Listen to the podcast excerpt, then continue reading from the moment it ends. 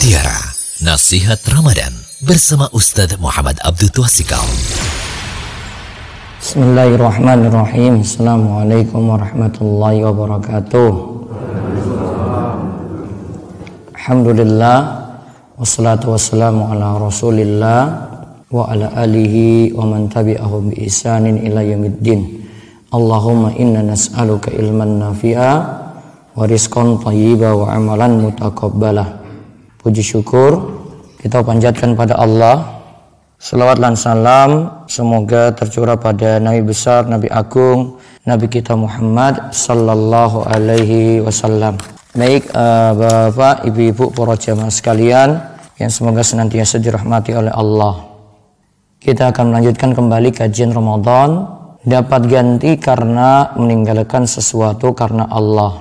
Saat kita puasa, yang kita lakukan adalah meninggalkan makan, minum, hubungan intim sehingga ada bekas yang kita rasakan bau mulut dari kita yang berpuasa itu jadi berubah.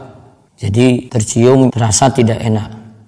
Namun karena ini kita tinggalkan karena Allah, Allah ganti dengan yang lebih baik, diganti dengan bau minyak kasturi, bau minyak misek nanti ketika di surga.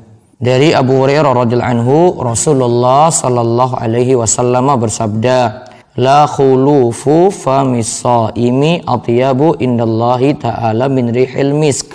Sungguh bau mulut orang yang berpuasa lebih harum di sisi Allah daripada bau minyak misek, minyak kasturi. Maka tadi bau mulut yang tidak enak diganti dengan yang lebih baik yaitu bau yang wangi nanti di surga. Juga ketika puasa kita nahan haus, lapar, merasa susah, maka diganti juga dengan pintu arroyan. Arroyan itu secara bahasa berarti puas, seger dan tidak haus. Bagaimana Nabi Shallallahu Alaihi Wasallam itu katakan, sesungguhnya di surga itu ada suatu pintu yang disebut arroyan. Yadkhulu minhu imun yaumal qiyamah. Nanti orang-orang yang berpuasa saja yang akan masukinya pada hari kiamat. La yadkhulu minhu ahadun ghairuhum dan yang lainnya tidak memasukinya. Yuqalu aina shaimun fayakumun. Nanti dipanggil mana orang yang berpuasa, maka mereka akan berdiri. La yadkhulu minhu ahadun ghairuhum. Selain mereka nanti tidak bisa memasuki pintu surga Ar-Rayyan tadi. Fa idza dakhalu ughliqa. Jika orang-orang yang berpuasa sudah masuk lewat pintu Ar-Rayyan, maka pintu itu ditutup. Falam yadkhul minhu ahadun. Maka tidak ada seorang pun yang memasukinya. Nah, ini tanda kita yang berpuasa dengan benar akan mendapatkan ganti pintu surga Ar-Royan. Dari delapan pintu surga yang ada, khusus untuk orang yang berpuasa ada pintu surga Ar-Royan. Juga ada hadis dari Abu Qatadah dan Abu Dahma. Mereka berdua pernah mendatangi seorang dari ahli badiah, orang gurun. Lalu ia ditanya, apakah ia pernah mendengar hadis dari Nabi Shallallahu Alaihi Wasallam? Ia pun menjawab, Pernah lantas ia membawakan sabda Rasulullah sallallahu alaihi wasallam, "Innaka lan tada' syai'an lillahi azza wa jalla illa baddalakallahu bihi ma huwa khairun laka minhu."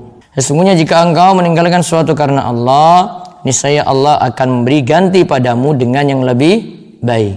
Siapa yang meninggalkan suatu karena Allah, maka Allah akan ganti dengan yang lebih baik. Hadis riwayat Ahmad sesuai Al-Arnaud itu mengatakan bahwasanya sanad hadis ini sahih. Nah, siapa saja yang meninggalkan suatu karena Allah, maka Allah ganti dengan yang lebih baik.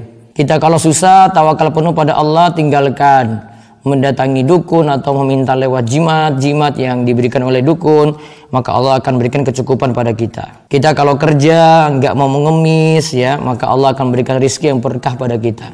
Kita kalau meninggalkan dusta, maka akan dihormati oleh orang-orang ya, kita akan terhormat di hati manusia. Seperti misalnya Nabi SAW itu sebutkan tentang jujur dalam jual beli. Al-bay'ani bila khiyar malam yatafarraqa aw qala hatta yatafarraqa fa in sadaqa wa bayyana burika lahum fi bai'ihima wa in katama wa kadzaba muhikat barakatu bai'ihima. Kedua orang penjual dan pembeli masing-masing memiliki hak pilih hiar selama keduanya belum berpisah.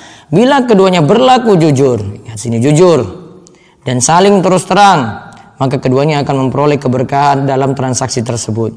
Sebaliknya, bila mereka berlaku dusta dan saling menutup-nutupi aib dari barang yang dijual, niscaya akan hilanglah keberkahan bagi mereka pada transaksi itu. Sama juga siapa yang tinggalkan utang riba, ya maka Allah akan membukakan keberkahan pada rezekinya. Siapa yang meninggalkan memandangi yang haram, akan Allah berikan cahaya pada pandangannya. Siapa yang tinggalkan sifat pelit, maka dia akan mendapatkan kemuliaan dan menjadi orang-orang yang beruntung.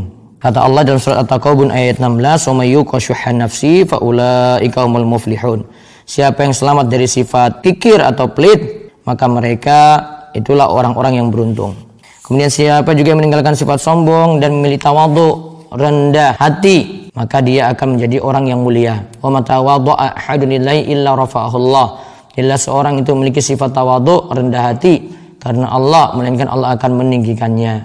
Terus siapa yang meninggalkan dendam dan mudah memaafkan, maka Allah akan menganugerahkan kemuliaan pada dirinya.